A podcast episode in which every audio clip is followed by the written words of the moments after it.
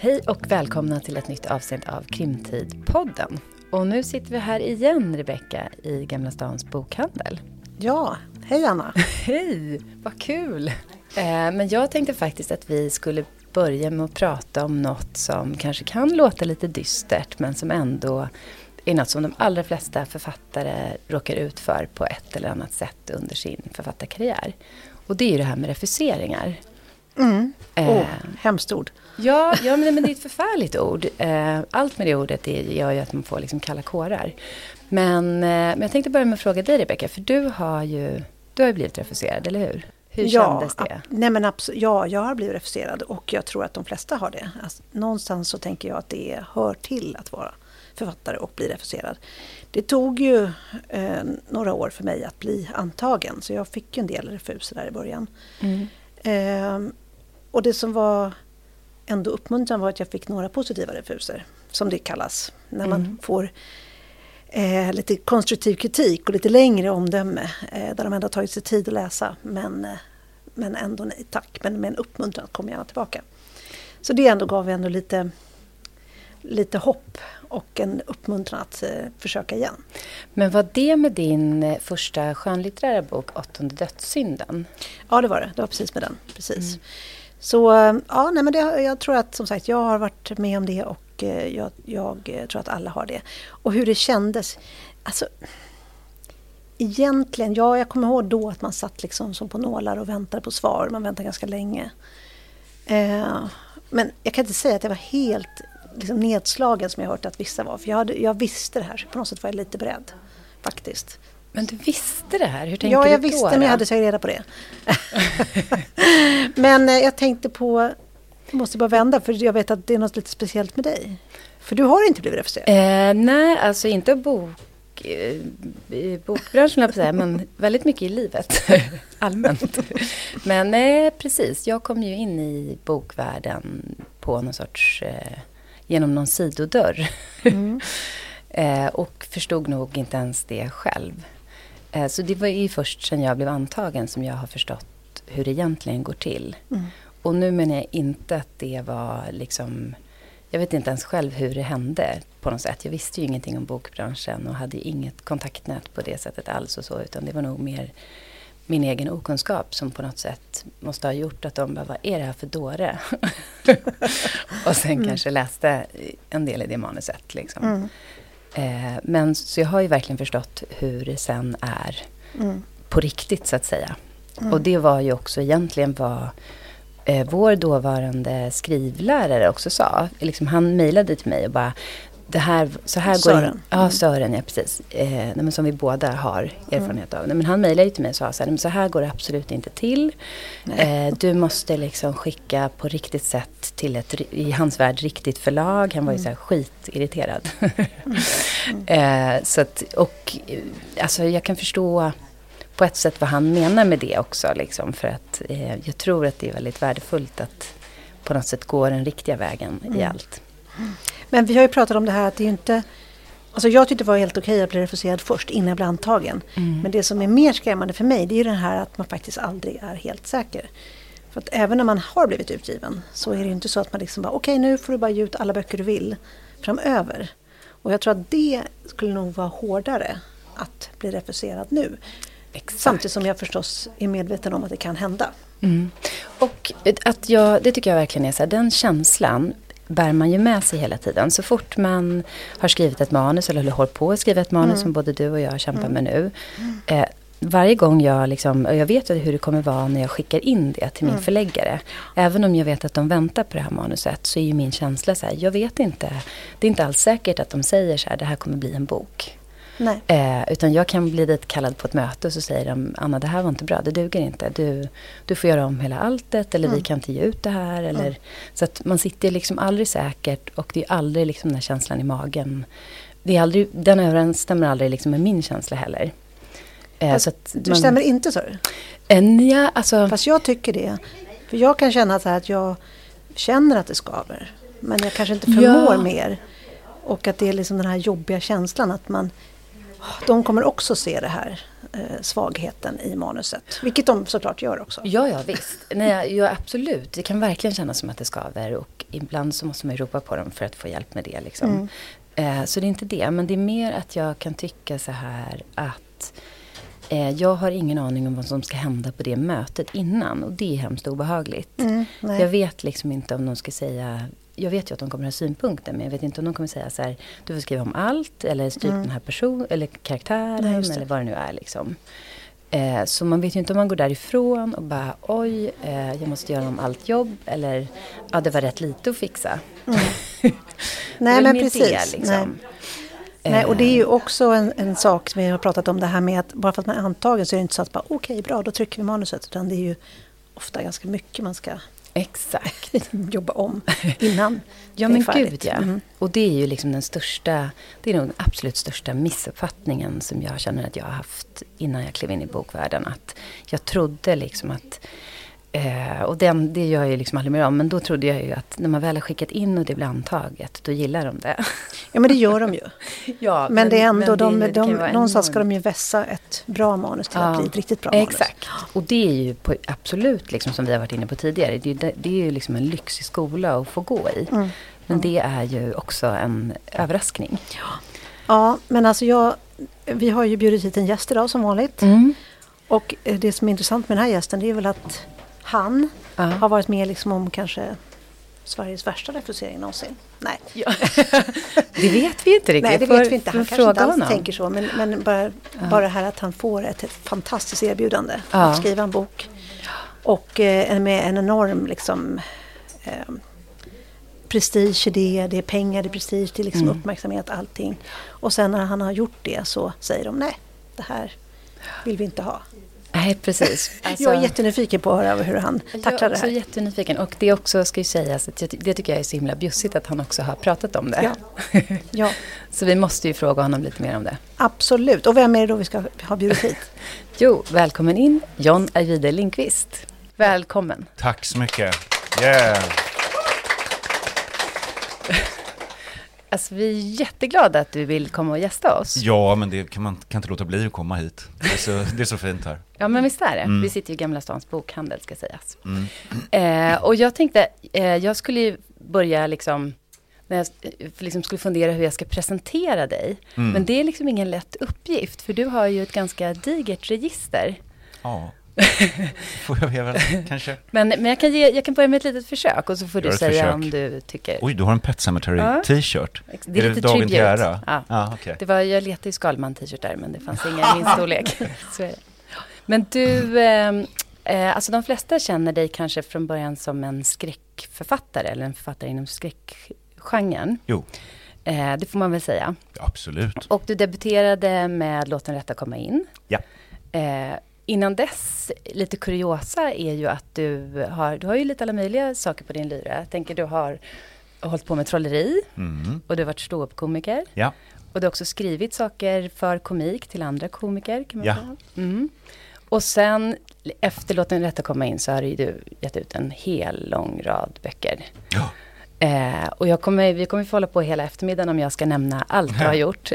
Det är typ en om året. Ja det var väl det var ett litet uppehåll där innan Himmelstrand tror jag. Men sen nu har jag börjat komma upp i två om året. Jag börjar Ja. närma mig liksom Stephen Kings. Eller halva Stephen King kanske. Men, och nu är du här för att du är en debut igen kan man säga. Mm. Eh, för att du har kastat dig in i deckargenren. Ja, Och eh, har precis kommit ut med skriften i vattnet. ja. Precis. Eh, och kan du inte börja med att bara berätta om den, vad den handlar om?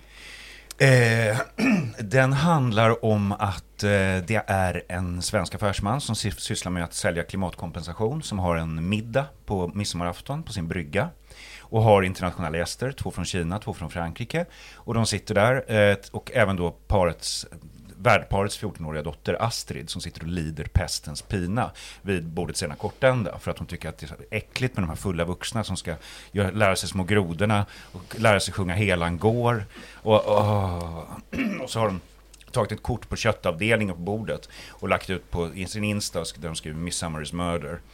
Eh, För att hon är så här vegansk aktivist och har en YouTube-kanal och så här, så hon tycker det här är bara hemskt. Pappan har hotat att ändra lösenordet på routern om hon inte är med och representerar. Så, så, ja, och så sitter de där. Och sen kommer en båt inglidande mot bryggan. Eh, Astrid tror det kommer fler idioter till gäster. Men så reser sig två män med balaklavor över, över ansiktet och plockar upp varsitt automatvapen och bara sprayar hela bryggan. Och Astrid lyckas kasta sig ner under bordet och rulla ner i vattnet. Men alla de andra blir helt sönderskjutna. Där börjar det. Mm. Och resten ska vi inte spoila. Nej. Nej, men sen är det då en, en deckarförfattarinna som heter Julia Malmros, som är ex-polis. Eh, som har fått i uppdrag att skriva eh, den nya Millenniumboken. Och för att kunna skriva om Lisbeth Salander tar hon kontakt med Kimi Ribbing, som är hackare, eller crackare. Eh, och de inleder en relation. Och dessutom så har hon sitt sommarhus på ön precis intill där det här sker. Så det där är en prolog när alla skjuts ner. Men hon hör, när hon, sitter, när hon och Kim är ute i hennes sommarhus så hör hon den här automatelden från intilliggande ön. Och sen dras även hon in i utredningen för hennes exman, Jonny, som är spaningsledare. Så händigt. Mycket, mycket händigt. Ja, men alltså det, det är ju jättespännande att höra dig berätta om den här. Eh, och jag tror att de flesta här inne i rummet har ju hört historien om hur den här kom till. Mm. Eh, att du fick ett uppdrag att faktiskt skriva, precis som Julia i Mm. boken, att skriva nästa millennium Ja. efter David Lagercrantz. Och du gick igång som tusan på den här uppgiften och bara, du skulle egentligen skriva ett synopsis. Ja, jag det- ska skriva 80-100 sidor och sen ett synopsis på resten. Ja. Just det, och sen så bara hamnar du på i den här takten som du har. Och så blev det näst, liksom en hel bok och du är på gång med nästa också egentligen. ja, jag tror jag skrev den här på 10 veckor. Två och en halv månad tror jag det tog. Men jag, för jag var på Kuba, när jag, jag, jag skrev färdigt min bok som heter Vänligheten en dag och sen så gick jag ut på balkongen, rökte en cigg, drack lite kaffe och sen satte jag mig och började skriva skriften i vattnet. Och det gick så fruktansvärt bra. Det gick så fort. Jag var uppe i liksom 10, 12, 13 sidor per dag. Det är helt För att det bara, jag hade tänkt ut skelettet till en handling innan. Så, så det hade jag gjort. Och läst alla Millenniumböcker två gånger. Eh, och gjort lite anteckningar och så. Men när jag väl började skriva så bara... Vroom, Så att det blev liksom 220 sidor på mindre än fem veckor. Och, sen, och det var ingen idé, det var ju helt meningslöst att sluta. Sen tog jag några veckor när jag kom hem också och skrev färdigt den. Och skrev 120 sidor på en uppföljare också. Ehm, ja, och sen började det trassla. Ja. så det har ni hört om. Och, eh, eftersom eh, både jag och Anna är författare så eh, liksom, när vi läste om det här så var det liksom som en det var ju en författares mardröm. Att du, du var ju liksom med om man säga, århundradets refusering här. Ja, kan man säga. För du kommer till det här mötet och så säger då... Ja, de kom ut till mig faktiskt. Ja, de kom till, ja. okej. Eh, och så säger, vad var det, redaktören eller Ja, det, är, förläggaren? det är den här fullständigt ja. fantastiska repliken. Att Ja. de har läst boken och säger vi tycker det här är en jättebra bok, verkligen jättebra. Men kan den ha en annan handling? Och då är jag ju nyfiken på frågan här då, är ju egentligen, alltså vad kände du då? Stor besvikelse, enorm besvikelse. Eh, för det, vi fortsatte prata och det var fler grejer hon inte gillade. Sexskildringarna var för detaljerade, den var lite för rolig. Eh, intrigen var inte tillräckligt komplex. Jag tycker den är jättekrånglig. Men eh, det var för mycket sammanträffanden. Alltså hon hade ganska mycket grejer. Det var uppenbart att trots det där jättebra bok, det var nog mer språket, karaktärsteckningen hon menade. Men hon gillade egentligen inte boken i grunden. Och jag insåg att det här är förmodligen kört. Och då, jag blev, jag blev jätteledsen. Och jag kunde inte sova den natten. Jag satt upp och lyssnade om och om och om igen på en kvinna som heter Sarah Bareilles. Som spelar piano som sjunger Goodbye Yellow Brick Road. det var så jag kände. Det var Goodbye Yellow Brick Road för mig. So goodbye, yellow brick road, where the dogs of society howl. You can't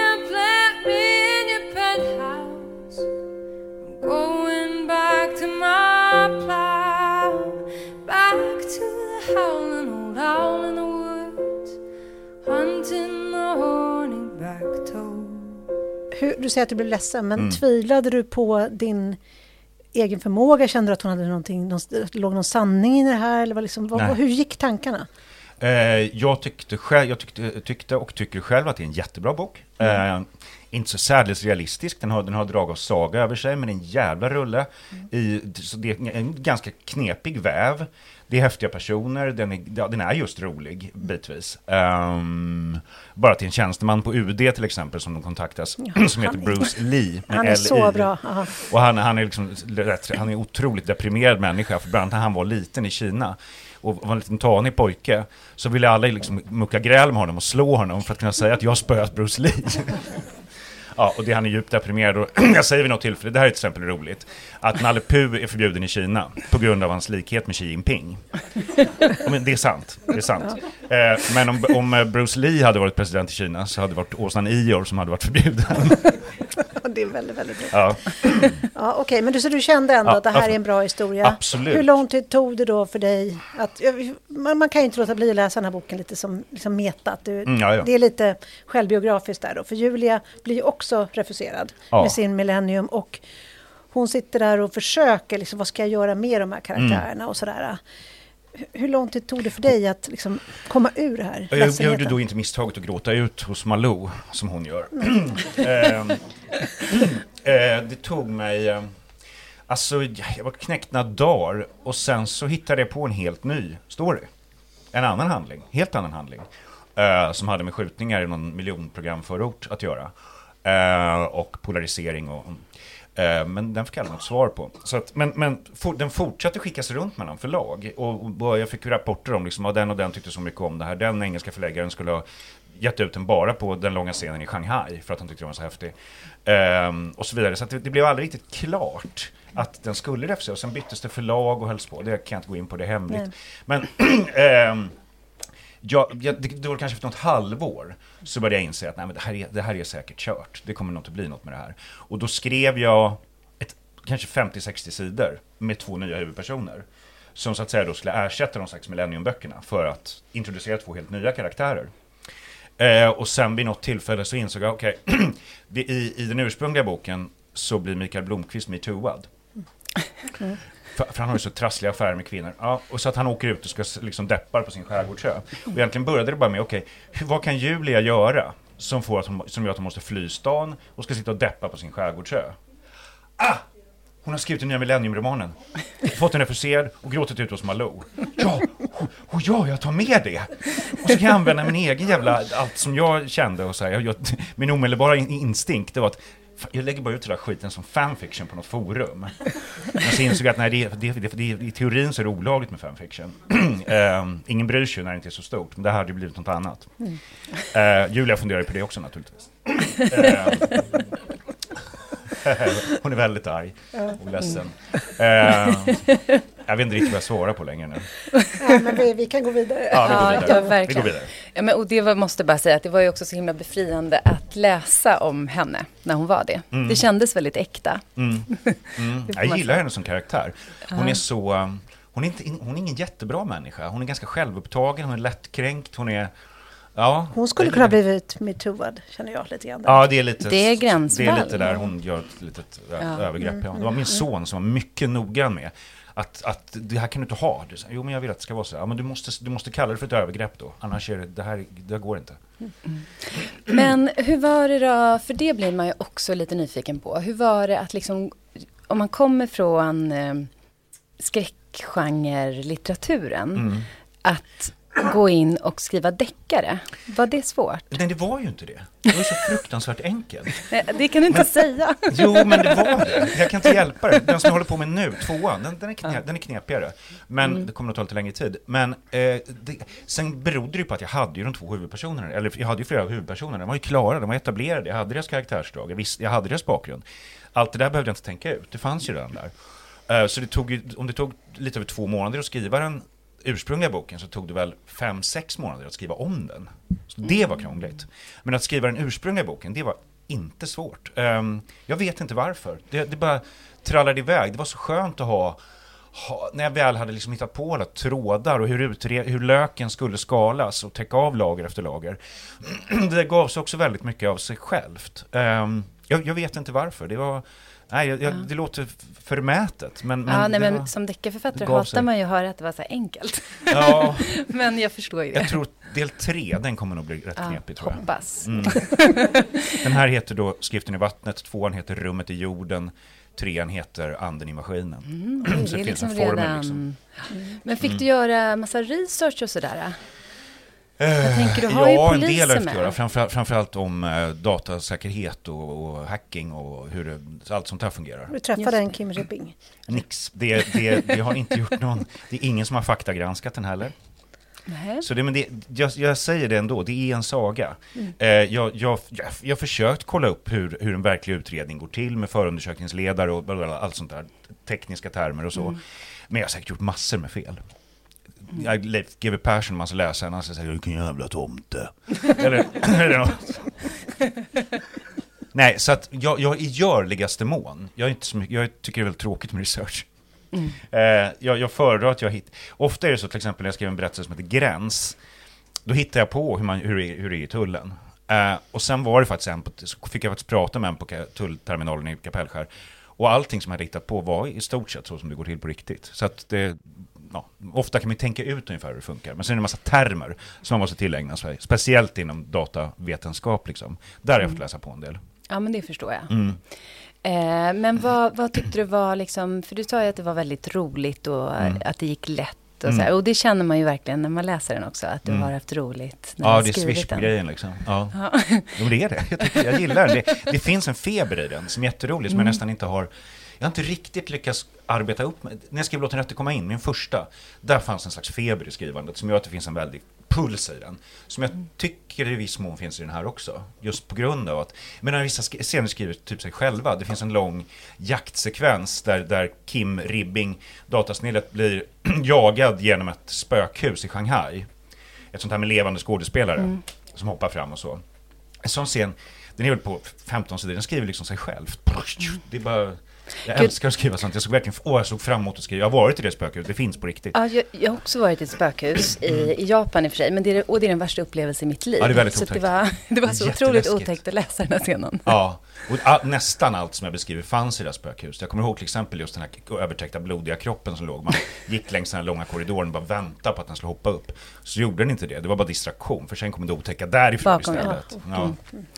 Ja, men då var du tvungen att ta in lite skräck. Eller fanns det någon längtan efter att liksom skriva in någon skräck i den här? Det var det i en, i en tidigare version, när jag hade skrivit om den. Den var nog 30, 30 sidor längre. Där fanns det en väldigt lång scen eh, där de är på Tärnö, Julias skärgårdsö, där de har hus. Eh, hon och Kim är där på vintern, när det är smällkallt. Och Kim ser en kvinna nere på bryggan. Och han frågar Julia, vem, vem är det där som står där varje dag? Det finns ingen där.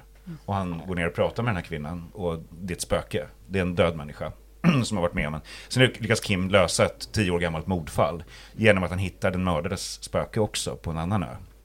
Eh, Och där någonstans. ja, Okej, så det här, och vad, vad hände med den här det här ska sägas, de här 30 sidorna, de här på vintern och Kims spöken, när han har klätt ut, han har satt på sig, eh, han har tagit, tagit vad han hittat i garderoben, och någon sån här jättestora överdragsbyxor, och hemsk mössa med öronlappar, och Julia Wennersson får syn på dem. Och säger oj, god afton herr Amundsen, har ni hittat poolen här nu? Nej, skottar slipar slökant på mina skidor. Så, ja, eh, Men kommer den här att finnas med i någon annan bok? Nej, det- jo, jag tror eh, men, men sen kom vi överens, sen pratade eh, ordförande läste den här och alla var ganska överens om att det dröjer för länge innan vi kommer in i huvudhandlingen. Då var, låg, det finns även ett långt parti från Kuba. Även det låg innan. Och det, det, det tog liksom över, över 100 sidor innan det girade in i huvudspåret med midsommarafton igen. Och det var för långt. Plus att vi kanske kan skippa spökena. Ja, du har gjort Vi några. gör en ren deckare, vi gör det va. Och jag tycker det var bra beslut, det var bra sagt. Tack Ordfront. Eh, så det, men som sagt, den där, den där scenen på Skärgårdsön minus spökena kommer jag att använda i bok tre tror jag. Mm. Jag, jag är lite nyfiken på eh, att gå tillbaka till Kim och, och Julia. Ja, Därför att du skrev ju dem som Lisbeth och Mikael. från början ja. Ja. Mm. Hur, hur gjorde du när du skulle liksom göra om dem till andra karaktärer? Hur, hur lång tid tog det? Ja, det tog då typ fem månader. Men jag vet, dels var jag tvungen att skriva till ganska mycket för att introducera dem. Och sen var det ju en del scener som till exempel den i Shanghai. Eh, där behöver jag nästan inte ändra någonting, utom ä- ändra från Lisbeth till Kim. I stort sett. Eh, li, lite ändringar fick jag göra. Men den andra scenen var, det här, det, här, det, här, det här är inte alls Julia och Kim. Det här måste jag göra om från grunden. Jag bara läste igenom scenen och, och så liksom slängde den och så bara skrev om den från början. Och det märker jag i bok två nu, det kommer jag få mycket där också. Det här, eh, så här pratar inte Kim, till exempel. Men hur, hur gjorde du när du skulle hitta då Kim? Alltså man har redan ställt in sig på en karaktär så ska Ja. du då skapa en annan. Jag är lite nyfiken som författare här Mm. nu. Att hur gjorde du då? Jag var ju tvungen att göra två karaktärer som eh, på vissa sätt var lika. Eh, Micke och Lisbeth, för att kunna tillämpa handlingen på dem. Så måste man ha en hel del drag gemensamma. Men det som jag tyckte var mitt, mitt, min snilleblixt när jag insåg att nej, jag kan nog göra det här, är att jag kastar om könen. Så jag låter det vara en äldre kvinna och en yngre man. Och det är roligare. Det eh, blev dessutom. mer intressant. Ja, och det är noll av självporträtt, men alltså min hustru är 18 år äldre än jag också, vi har varit tillsammans i 30 år. Så att, eh, ja, men det var abs- absolut inget självporträtt. Eh, Okej, men vem av dem är mest du då? Man? Eh, jag skulle säga att Julia är mer jag, i sådana fall. Eh, ja, jag är definitivt inte Kim. Nej. Nej. Vad är det som inte är Kim eh, i dig? Nej, Eller tvärtom? att jag inte kan så mycket om datorer, att jag inte alls har någon sån där trasig bakgrund Ja, som han, att jag inte är rik. Det, det, jag märker i recensioner, det råder någon slags missuppfattning att jag skulle Ja. vara väldigt rik. Eh, vilket jag inte är. Och att, att det, var så här, det var en recension i Femina nu. Ja, de här studierna av hotellen som jag brukar bo på. Det, miljonär Ajvide. Jag, jag har inte bott på de hotellen. Jag skulle aldrig betala så mycket för ett hotellrum. Jag var, jag var på hotell Havana Libre i, i Havanna och tittade i receptionen, restaurangen efter några scener som utspelar sig där. Jag tittade på nätet hur rummen såg ut på det här hotellet i Shanghai. Men jag skulle aldrig bo på ett sånt ställe. Men jag, och jag, menar, jag är superprivilegierad. Vi har pengar så jag kan betala ut lön till oss två i två år framöver. Men skulle det inte komma in några pengar mer efter det, då skulle det vara finito. Så att så jäkla rik är jag inte. Eh, varför pratar jag om det? Jag ville bara ha det sagt. Ja, ja, Om det är någon som sitter här och tänker på att kidnappa mig eller så. Ja. Nej, jag hade glömt Det frågan. var, det var var det? jämförelsen med Kim tror jag, eller Alltså, eventuella ja, nej, likheter det, med det, Kim. Det är, typ, det är, väl, det är ytterst lite. Ja, det, är väl, det är säkert en av de karaktärer som har minst av mig i sig. Men det är också på att han är liksom i viss mån modellerad på en annan karaktär. Eh, och sen har jag gett honom en massa andra drag också, förstås. Men du har ju många karaktärer också, även bikaraktärer som är väldigt levande tycker jag i Ah. boken. Okej, Nu tänker jag på den eh, frånskilda lite sura polisen Jonny. Johnny Munter. Mm, ja. som har, precis, som har fått efternamnet Munter. ja. Julia heter Julia Munter också, hon säger att det låter som en jänta i en pilsnerkomedi. Eh, men, men vilken av dem tyckte du var roligast att hålla på med? Johnny gillar jag. Eh, han är så... Framförallt så är han så jävla svartsjuk på Kim. Eh, han har varit skilda i många år, men han har aldrig riktigt slutat försöka. Eh, och han, jag tyckte, jag tyckte William King var en rolig karaktär. Som är presstalesman för polisen och är engelsman från början. Och när jag läste in ljudboken så pratade han lite så här. Eh, jag gör små, små, små förändringar i rösterna så när, jag, när jag läser in, så man ska hålla reda på vem det är som pratar. Eh, han var rolig att skriva och Astrid är min absoluta favorit. Hon, hon, har, hon har mycket större utrymme i bok två. Astrid Helander, som är dottern som lyckas undkomma genom att rulla under bordet. Eh, hon är, och det här får mycket mer utrymme i tvåan, eh, hon är en sån här con girl. Som spelar så här confidence tricks för att lura av folk pengar. Och till exempel, hon går och köper ett par jättebilliga glasögon på Clas Ohlson. Sen går hon in på, på och så, så tappar hon i golvet några gånger som spricker. Sen går hon in på NKs delikatessavdelning och spa, spanar efter ett lämpligt offer. Ser någon kille i fina loafers här som lutar över en hummer. Då ställer hon sig bakom honom och när han rätar på sig så knackar hon till honom i nacken. Och så har hon förmågan att kunna falla handlöst utan att slå sig. Och så kastar hon sig på golvet och, aj, aj, aj, och glasögonen är spruckna. Aj, mina fina progressiva glasögon, mamma kommer bli så arg. Och folk samlas och han, det var väldigt trevligt. 3000, det var dyra glasögon. Bara, Betala nu, nu får du betala här. Och, och, och han betalar och han, jag har inte så mycket pengar, det går bra med Swish. och även för andra folk runt omkring swisharna har hundra också, sympati till Astrid. Man hör ju Och det är, här, hon är rolig. När du pratar om dem att de verkligen är levande också. Ja. Men, det Jag funderar låter, faktiskt på en fjärde bok också, där Astrid ska vara huvudperson. Ja. men jag, för jag får känslan, är det så för dig att du har liksom karaktärerna med dig när du sitter och arbetar? Nästan som att de är i rummet. Ja, det får man väl säga.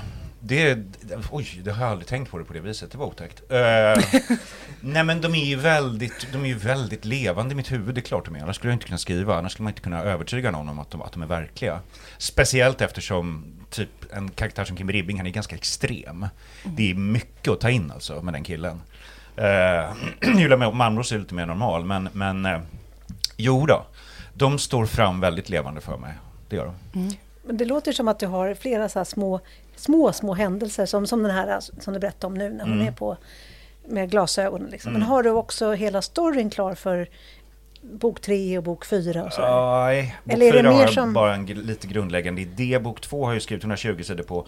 Och det är en slags mordgåta, eh, eh, ba, eh, fast baklänges. den, är ganska, den, blir rätt, den är rätt underlig. Men jag tror, jag tror den blir häftig. Den börjar ju med, ah, det, jag ska inte, det, det, kommer en, det, det är en massiv cliffhanger i slutet på den här boken. Ehm, och det är den jag behandlar, vad det är som har hänt där och vad som kommer att hända. Ehm, vad frågade du? Ja, jo, frågar, jo så den, har den har jag ganska klar för mig. Trean har jag också eh, hyfsat klart för mig. Eh, mm, jag hade glömt det, jag läste mina anteckningar. Det är sk- skitsnygg båge runt hela boken. Det börjar med att Lisbeth och Kim ser Hamlet på, på Dramaten och sen så, ja det får betydelse hela vägen in till slutet. Ja, Okej. Ja. Jag är lite inne på processen. nej vad säger jag, Julia och Kim. Ja. Jag är lite inne, inne på processen, hur du jobbar. Ja. Hur, hur gör du liksom, rent praktiskt? Sitter du och, Mm. är det lappar på väggen? Nej, jag har lite eller? lappar på väggen, men det är till en bok som Eller- heter Värdet, som nog blir fyra böcker från nu. Eh, den har jag skrivit halva ungefär. Eh, och så har jag precis skrivit färdigt den här med Sjöjungfrun då. Eh, nu. Jo, nej, men det, det kan vara väldigt olika. Värdet är jag tvungen, för där ska strukturen vara helt upplöst. Så jag behöver det för att kunna hålla reda på tidslinjerna.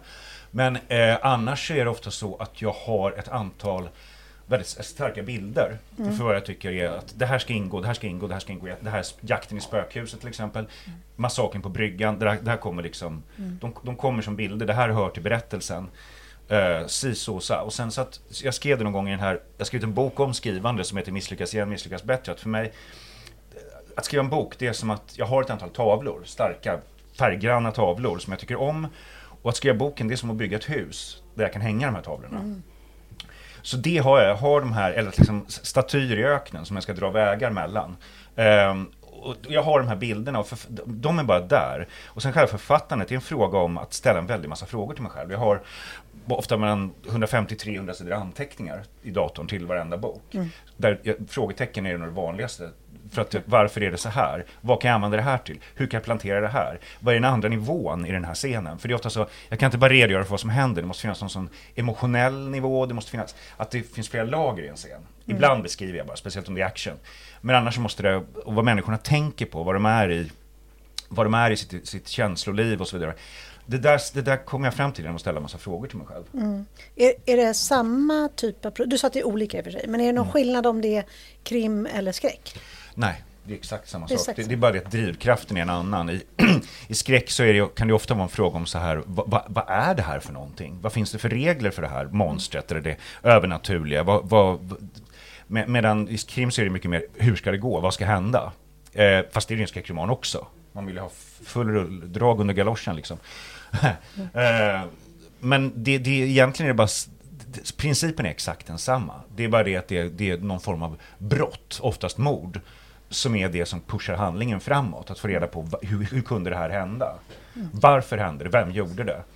Och det, när det är ett monster eller något övernaturligt, det är, en, ja, det är lite annan... Eh, vad ska man säga? Det är en annan... Eh, det är lite annan motivation. Men drivkraften är likadana. Vad, vad, är det någon gång du har svårt? Att det, vad är liksom, om det är ett stort frågetecken, vad är det då? Ja, Vad är det svåraste? Största Det, utmaningen? eh, ibland kan det vara att lyckas, speciellt i mina, mina skräckböcker, så kan det vara att eh, försöka att få ihop mytologin. Eftersom jag ofta, ibland så använder jag mig av existerande zombier eller vampyrer och sådär, men sen en bok som heter Himmelstrand till exempel, där, där tog det tvärstopp efter halva boken. Och jag kunde inte skriva på två månader. Men då började jag, det tror Stephen King har gjort så här några gånger också, att det, det här, han gjorde så i The Stand tror jag, det var en slags nödlösning. Han satt fast och sen, okej okej jag dör ett gäng av människorna. Uh, men jag gjorde så att jag började om boken och tog bort fyra av personerna. Och la dit en hund som fick bli subjekt också istället. Och då gick det lättare att hålla, isär det. Men det var en väldigt krånglig mytologi. Jag ville från början att den skulle vara rent becketsk. Att, det bara var, att de bara var på det här, de förflyttade ett, ett antal husvagnar med människor som förflyttas ett fullständigt ödefält. Med så här golfklippt gräs till horisonten i alla riktningar. Och jag ville att det skulle bara vara det. Det skulle bara vara det. De skulle ge sig ut i tomheten, försöka hitta någonting. Det finns ingenting där. De sätter på radioapparaterna och det enda som spelas är musik av Peter Himmelstrand. Eh, men, men tyvärr så var jag, jag det, det går inte. Jag måste ha lite monster. Jag måste ha lite, det måste finnas någonting där ute. Tyvärr. eh, och där, men där hade jag, där, hade- det är enda gången jag haft riktigt svårt. Det har varit en gång. Ja. Annars en bok som Verkligheten, den skrev jag väl på fem veckor. Det, det är liksom, men i ett svep bara så. Jag fick, jag fick bilden av en kvinna som sitter så här mickad och klar i en fåtölj. Och en kamera ska filma henne. Och så tittar hon och ser att det är en fluga som ligger och dör på fönsterbrädet. Som bara sista sprattlingarna med benen så här. Så tittar hon, är de klara? Nej, de är inte klara. Tittar tillbaka. Då är flugan borta. Och då, är- då, är det, då är det bara att fråga mig själv, liksom, varför sitter hon där? Vad är det här för program? Och vad hände med flugan? och så måste jag liksom skriva 160 sidor för att besvara de där frågorna. Eh, det låter ju verkligen som att det hela tiden flödar inspiration. Ja, om det gör det va? Ja. Det är ju så. Eh, Det, det, det, det, jag tror, det är så här. De senaste, jag tror att för tre år sedan, ungefär, tre, fyra år sedan, när jag, sk- jag skrev en novell på beställning, Schwipp, eh, och, och jag insåg, fan jag kan det här. Jag behärskar det här. Det tog, det tog nog 10-12 år av skrivande att komma fram till att inse att nej, men, jag får en bild, jag har en idé, jag får en, en person, sen kan, jag, sen kan jag skriva det. Det, Det är härligt. det går bra. Ja, Jag kan det är härligt. Ja, det kan, det kan, tvivel kan säkert upp- uppstå igen, men sen några år tillbaka så har jag, har jag tyckt att jag är lite duktig. Men, men då, det här är ju jättehärligt för då tänker Ja. jag, om vi går tillbaka till den här superrefuseringen. Ja, århundradets refusering. Ja, exakt, exakt som jag, Mm. ja, som jag har döpt den till nu. Ja. Nej, men du blev ju ledsen. Mm. Men sen när den här boken kom ut så blev det ju en fantastisk succé. Ja. Du har ju alltså fått enorma hyllningar för den här boken. Ja. Jättefina recensioner. Den är nominerad till Årets kriminalroman Ja. av Svenska Läkarakademin. Mm. Hur kändes det? Jättebra. Så jäkla skönt. Var det Alltså- lite revansch här då? Ja, absolut. Nej, men det, det känns det som. Det kan inte hjälpas. Eh, jag vill verkligen inte Karin Smirnoff något ont. Jag tycker hon är superduktig, superbra författare. Jag kommer absolut läsa den här Havsörnens grej. Ehm, så det är, inte, det är absolut inte mot henne. Men, men eh, det är väldigt skönt att boken har fått så mycket positiv uppmärksamhet och nominerad. Att den helt uppenbarligen står på helt egna ben. Och det, de här nomineringarna och recensionerna har den ju inte fått för att den var vi kallar det M-ordet. Jag ska, inte, Ja. jag ska inte säga det så ofta har jag fått veta. Eh, det, är, det är inte därför, det är efter en skön egen story. Och det känns, ja, det känns framför, det är framförallt en enorm lättnad. Och lite revansch. Härligt. Jag tänkte att, för du, nu har du nämnt eh, när du pratade här, både Stephen King Mm. och Beckett. Mm. Och när man läser Skriften i vattnet så förekommer ju de också. Mm. Det finns en parafras på Stephen King och det finns... Gör det? Vadå? Ja, det finns det. Vilken, vilken var det? Jo då, eh, det är... eh, Nu måste jag bara tänka hur den går. Den är jätterolig. Det är någon av karaktärerna som säger den parafrasen. Jaha, okej. Eh, och då tänkte jag att det var lite meta för att du liksom har... Alltså, du är ju Sveriges Stephen King. Ja, okej då. Mm. Ja. Händer det att du får höra det? ja, jag har haft hört det några gånger. Ja. Ja, men det är helt okej. Jag tycker Men, han är eh, jättebra. Så det. Mm, Ja, men kan du inte berätta lite om din relation till Stephen King? Oj, eh, ja, nej, men alltså, jag, jag är ju som alla. Eh, liksom, jag, började läsa honom när jag var liksom 13. Jag tycker, tyckte, blev helt vettskrämd av Pet Cemetery. Mm. Eh, djurkyrkogården. Ja. Eh, och sen så upp fram till jag var 19-20 så då hade jag väl läst allting han hade skrivit. Eh, och sen någonstans runt Bag of Bones, det var väl så här, runt 2000-2001. 98, okej. För där- Jag tyckte den var väldigt bra. Men där, där, där började jag tappa honom lite. Och jag, han, han skrev en bok som heter Cell som jag tyckte var jättedålig. Och, och Blaze tyckte jag inte om heller. Det är bara så här, det märks. Han skriver bara på. Liksom, han har inte någon riktig plan. Han bara, vad händer sen då? Vi får se. Det märks. I skillnad till The Dead Zone som jag tycker är hans bästa. Som, det är en enda bok, eller i alla fall utav de gamla, som han verkligen har planerat. Och det märks. Alltså, The Shining är ju fantastisk också. Men, och sen, på, men sen på senare år så har jag plockat upp honom igen, för jag tycker hela den här Bill Hodges-trilogin till exempel. Jag tycker Finders Keepers är det bästa han har skrivit på jättelänge. Också otroligt välplanerad, snyggt vävd historia. Så han har verkligen inte tappat det. Så läste han institutet, det var, ja, men den, den funkade. Jag tyckte, jag tyckte alla bitarna inifrån själva institutet var, var bra. Och hur de här, han är väldigt bra på, på relationer mellan unga. Mm. Verkligen. Eh, han är jättebra. Han är väldigt bra på vänskap överhuvudtaget. Och speciellt mellan unga och gamla. Vänskap mellan unga och gamla återkommer han ofta till och gör väldigt, väldigt bra. Mm. Ja, Ja. Men hur ser dagarna ut för dig? Du läser mycket Mm, ja, ganska. Ja. ja, och sen skriver du hela tiden. Eh, nej, jag skriver kanske fyra timmar om dagen. Eh, Inte mer? Nej. Och Eh, hinner ändå på fem veckor. Ja, jo. Men Men skriver jag du inte fort. om då? Du skriver inte om så mycket Jo, då? men, jo då, men, fast nej, inte så mycket. Men jo, eh, Finns det Nej. inget? det finns inget. Jag är så jävla självgod. Eh, nej, men, nej, men så låter jag nu den här sommaren 1985, som den heter med Sjöjungfrun, den är precis färdig. Så nu, nu idealiskt sett tycker man att den ska återvända till Stephen King, han säger att det ska ligga helst ett halvår. Det ska vara så när man läser den som att man glömt att man har skrivit den.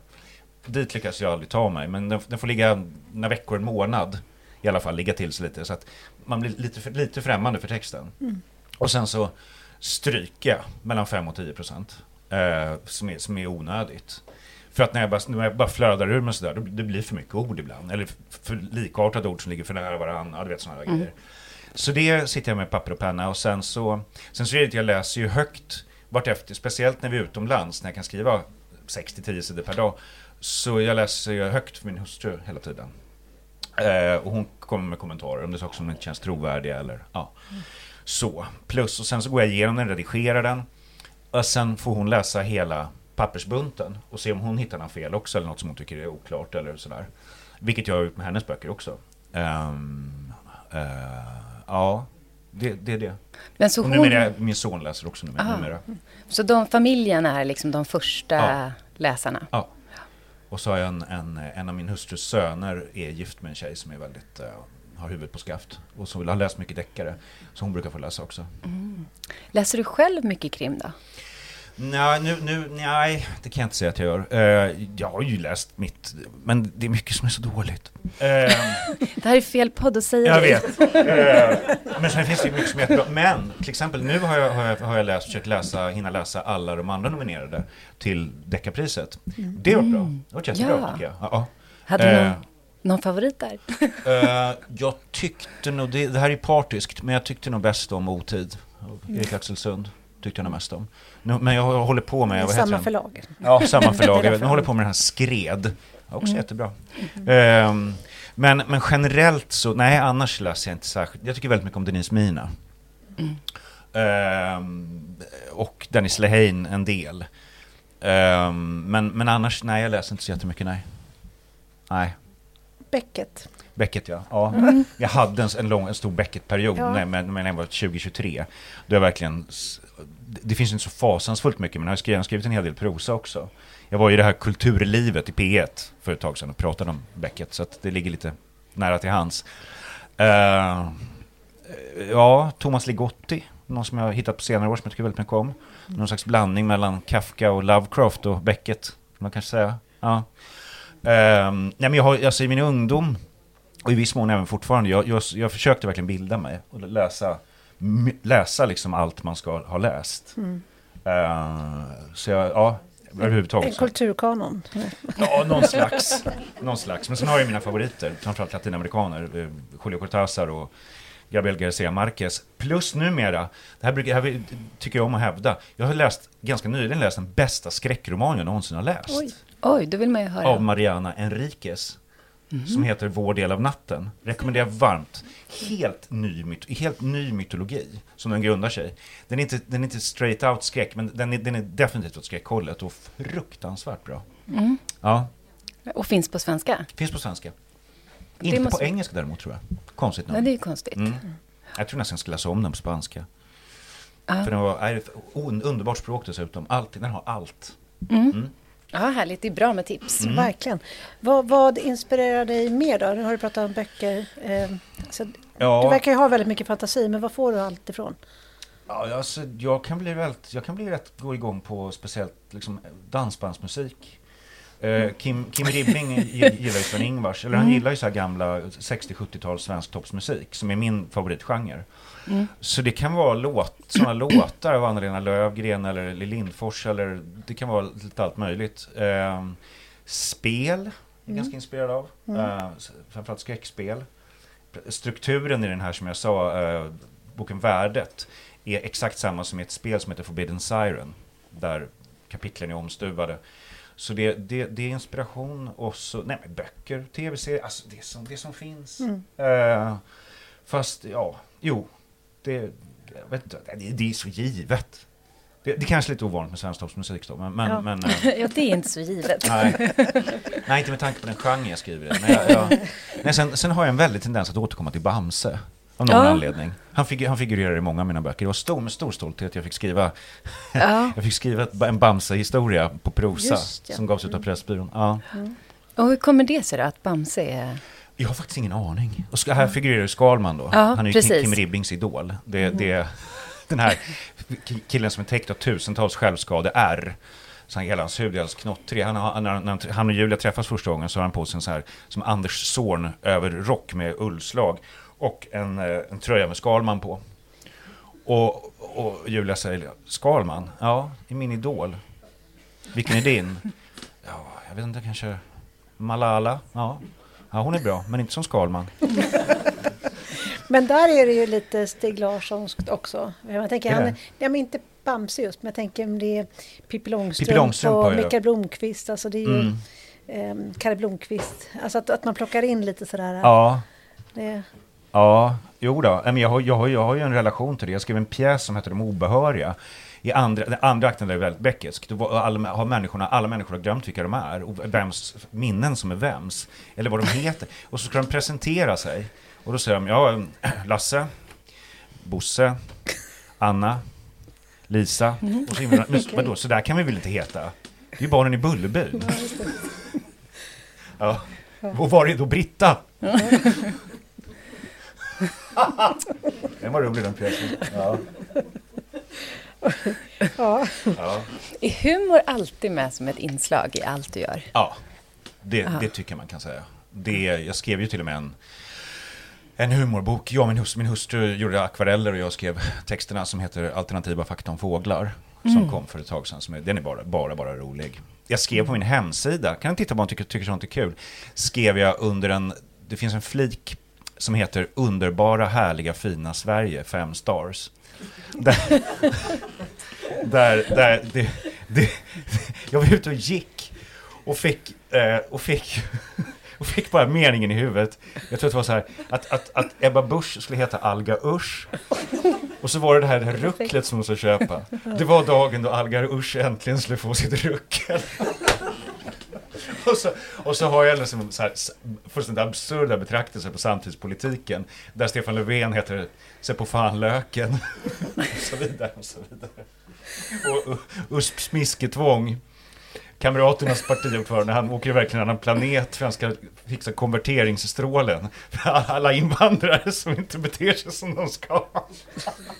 Men det låter som att, att humor är lite ett sätt att hantera tillvaron kanske. Ja, det är det väl. Det pratade jag när jag pratade om Beckett här, att jag tycker så fruktansvärt mycket om den här blandningen av existentiell förtvivlan och slapstick, som är Beckett. Ett garv ur avgrunden. Eh, och det, eh, ja det behövs. Jag, Men- jag, jag, jag är gammal ståuppkomiker, jag kan, jag kan liksom inte låta bli. Jag måste ofta lägga band på mig för att inte bli för rolig. Ja, men det, det är inte det skriften i vattnet Ja. också. Jag Jo, tänker, den är för. Kim, nej, men jag tänker att Kim är ju så fruktansvärt deprimerad. Ja, ja, gud, ja. och sen är den så fruktansvärt rolig. Ja, Så det är ju verkligen den, ja men precis. Och du sa ju också tidigare att det var en av anledningarna till att den blev refuserad. Att Ja, den var för rolig. Ja, de tyckte de var lite för roliga. Ja. Mm. Och det fanns liksom ingen så här, ja men jag kanske ska dämpa lite. Där. Jo, jag sa det. Jag kan göra sexet snällare, jag kan ta bort det roliga, jag kan, ja, så här, men det räckte inte.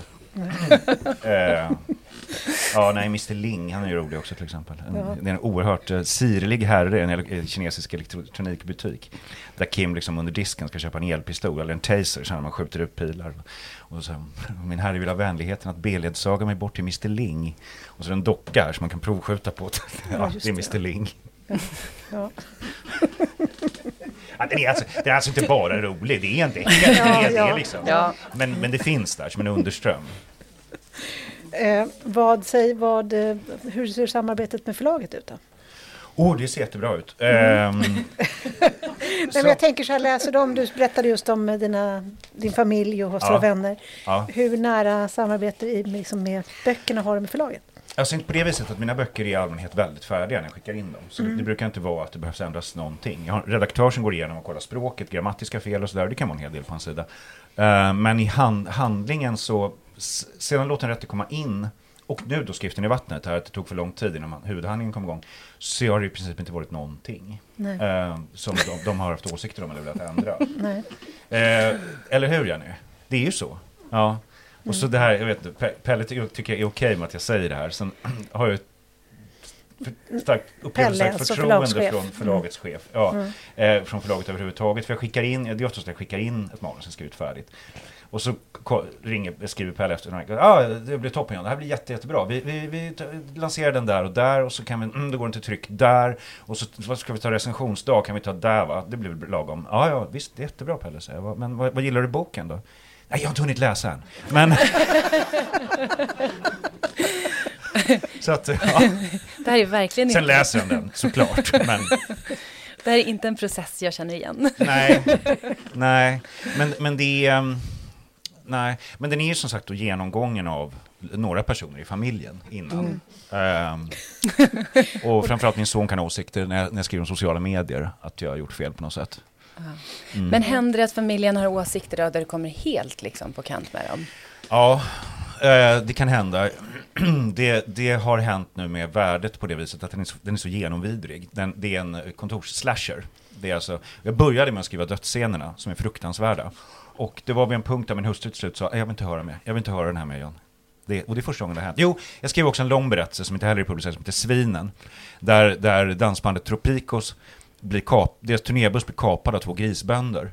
Som har väldigt obehagliga planer för dem. Eh, och där var det också, de, de, de, för att visa att de menar allvar så sänker de ner bussens chaufför i sin stora frityrgryta med kokande olja. Och där sa också Mia så här, nej John, jag vill inte höra den här mer. Jag vill inte höra mer. Men sen berättade jag vad som skulle hända och då gick hon med på att lyssna på den. Men värdet där är det helt kört. Men du är inte sugen på att skriva politisk satir då? Men det, det var ju det där då, under Ja, bara ja, fina hemsidan, Sverige, fem stars. Det, det, det, ehm, men jag, det tog stopp. Jag skrev en sju, åtta stycken. Jag, gjorde- jag framställde löp, fejkade löpsedlar och, och ja, jag höll på med det verkligen ett tag. Hörru, Jag tittar på klockan här nu. Det kanske blir dags att släppa in publiken. Ja, för vi brukar Oj. göra så när vi har publik Ja. att om man har en fråga då så får man gärna ställa den till dig. Så är det någon i publiken som har en fråga? Ja, Helena. Ja, nej, men jag tänkte på den här blodiga massakern som inleder Ja. Skriften i vattnet. Mm. Det är egentligen där du brukar sluta Jaha. dina böcker. Om man tar Lilla Stjärna till exempel, Ja. Låt Anette komma in. Och ska man hårdra det supermycket kan man ju säga att deckargenren börjar i kaos och slutar i någon slags ordning. Mm. Medan skräckberättelsen börjar i någon form av ordning, vardag Mm. och sen övergår i kaos. Det är bra, bra sagt. Ja. Ja, tack. Ja. jag, jag, jag, jag undrar, var det något du tänkte på? Skillnaden i formen? Hade du med dig det på något sätt? Nej, men det är, alltså, det är ett väldigt, väldigt klassiskt grepp i en deckare. Att inleda med någon slags eh, en person, person som smyger i skogen och jagar den mördaren så här. Och sen fem, går vi tillbaka i tiden, hur blev det så här? Eh, så det är ett jätteklassiskt grepp. Eh, men, men just den där aspekten har jag tänkte jag inte på. Men, men den hade jag också väldigt, det är en, det är en väldigt visuellt ball upplösning i Norge. Eh, Den, den visste, visste jag att jag skulle ha. Och där, där går jag ändå mot någon slags crescendo. Ehm, ja, Va, jag vet inte vad jag svarar på. Nej men det är, också, det är en trilogi, då behöver du ju inte knyta ihop allting. Nej, nej, nej. Och den slutar ju med en jättecliffhanger då. Så att, ja. mm. Och det är så snyggt slut på trean. Fy fasen snyggt det är. Så att du måste göra en fyra sen också. Ja, men det, det knyter verkligen Ja, ihop alla tre. Mm. Men lite kopplat till det här, du kommer vara kvar ganska länge i deckargenren va, låter det som? Ja, men jag ska ju skriva de här tre då. Ja. Det har jag beslutat. Jag har kontrakt nu med några, några utomländer. Som, där ingår i premissen att det ska vara tre böcker. Mm. Eh, eh, så det, det kommer jag göra. Och det, nej, men det ska bli kul. Jag, har, det, nej, jag, jag trivs med det här. Jättebra. Men sen kommer jag förmodligen... Så, nu kommer ju den här sommaren 1985. Den kommer ju innan bok två i Blodstormen. Och sen får vi se. Men det låter inte som att du kommer att sitta sysslolös. Nej, nej, inte jag inte. Nej. Sen ska det sägas, om man tycker att jag har ett bra produktionstempo. Jag skulle ha skrivit säkert tre, fyra romaner till om jag inte hade varit inblandad i så mycket film och tv som sen inte har blivit något, som jag ägnat år åt. Jag fattar inte hur det hinner. Nej, och det ändå, är det bara fyra, max tim, fem timmar per dag. Ja, det är sjukt. Låt man skriva fort, så går det Ja. jättebra. Och hur många sidor om dagen skriver du? Du var ju... Ja, men nu, nu hemma, då blir det mer fem, sex på den Ja. Fem, sex, kanske sju på den tiden. Utomlands kan det bli lite mer. Mm. Och hur ofta är du utomlands? Eh, Typ tre månader per år. Ja. Sicilien och Kuba. Jag har en fråga här. Ja, en fråga. Ja. Eh, hur gör du för att göra det overkliga verkligt och trovärdigt? Man smyger in eh, det lite i taget. Eh, som bara, bara släppa ner ett, ett blaskigt monster mitt i, i vardagsrummet. Det går ju inte. Man har först känt lukten av det, man har hört det, man har hört någon berätta någonting om det. Man, har, alltså man får antydningar, man skymtar det. Att man tar det bara lite, lite, lite i taget. Sen kan jag bryta mot mina egna regler, liksom mot reglerna bara för att. För jag tycker det passar den storyn. Men det, det, som, ehm, det som är monstren själva, att man måste liksom smyga sig på en liten bit i taget.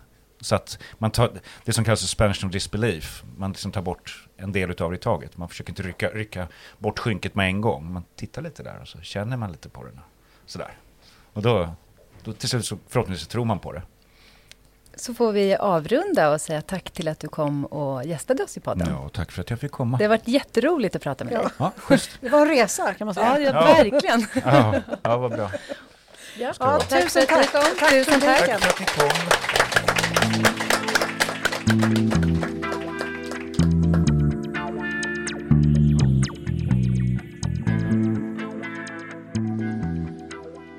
Alltså det var ju väldigt spännande att eh, när Anna frågade Jonna Wide Lindqvist om det var någon skillnad att skriva skräck och krim.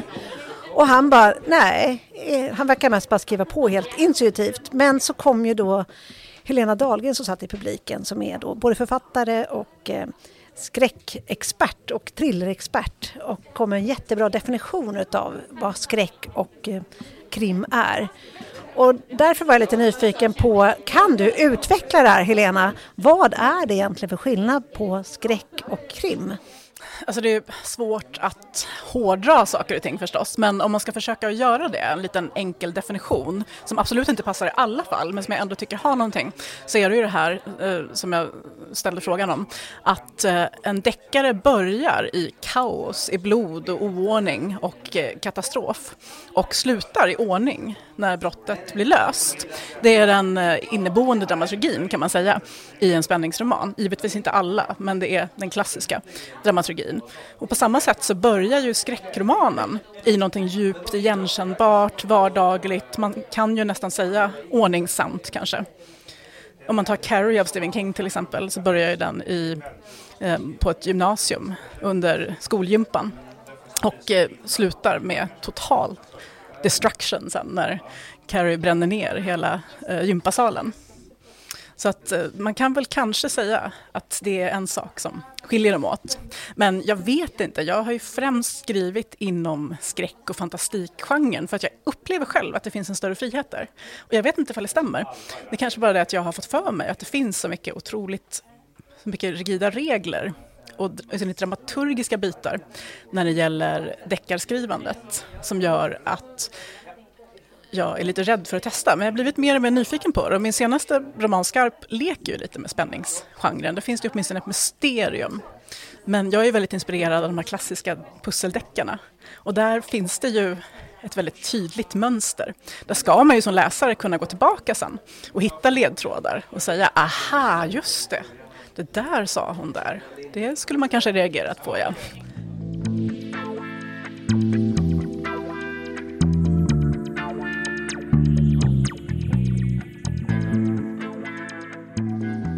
Ja men gud vilken dag. Gud vad det här var intressant. Oh, Gud, alltså vilken fart han pratade Ja. med. Alltså man, det, var som en, det var verkligen som en saga, hela, liksom, en fantasyresa som man var liksom inne i. Ja men verkligen. Och jag kan bli så himla avundsjuk på, alltså inte avundsjuk på ett elakt sätt, men på att han liksom sprutar ur sig och han behöver knappt redigera och det bara forsar fram historier liksom. Och den här blicken på när man har en spännande historia. Det kan Ja. börja med en fluga liksom på bordet.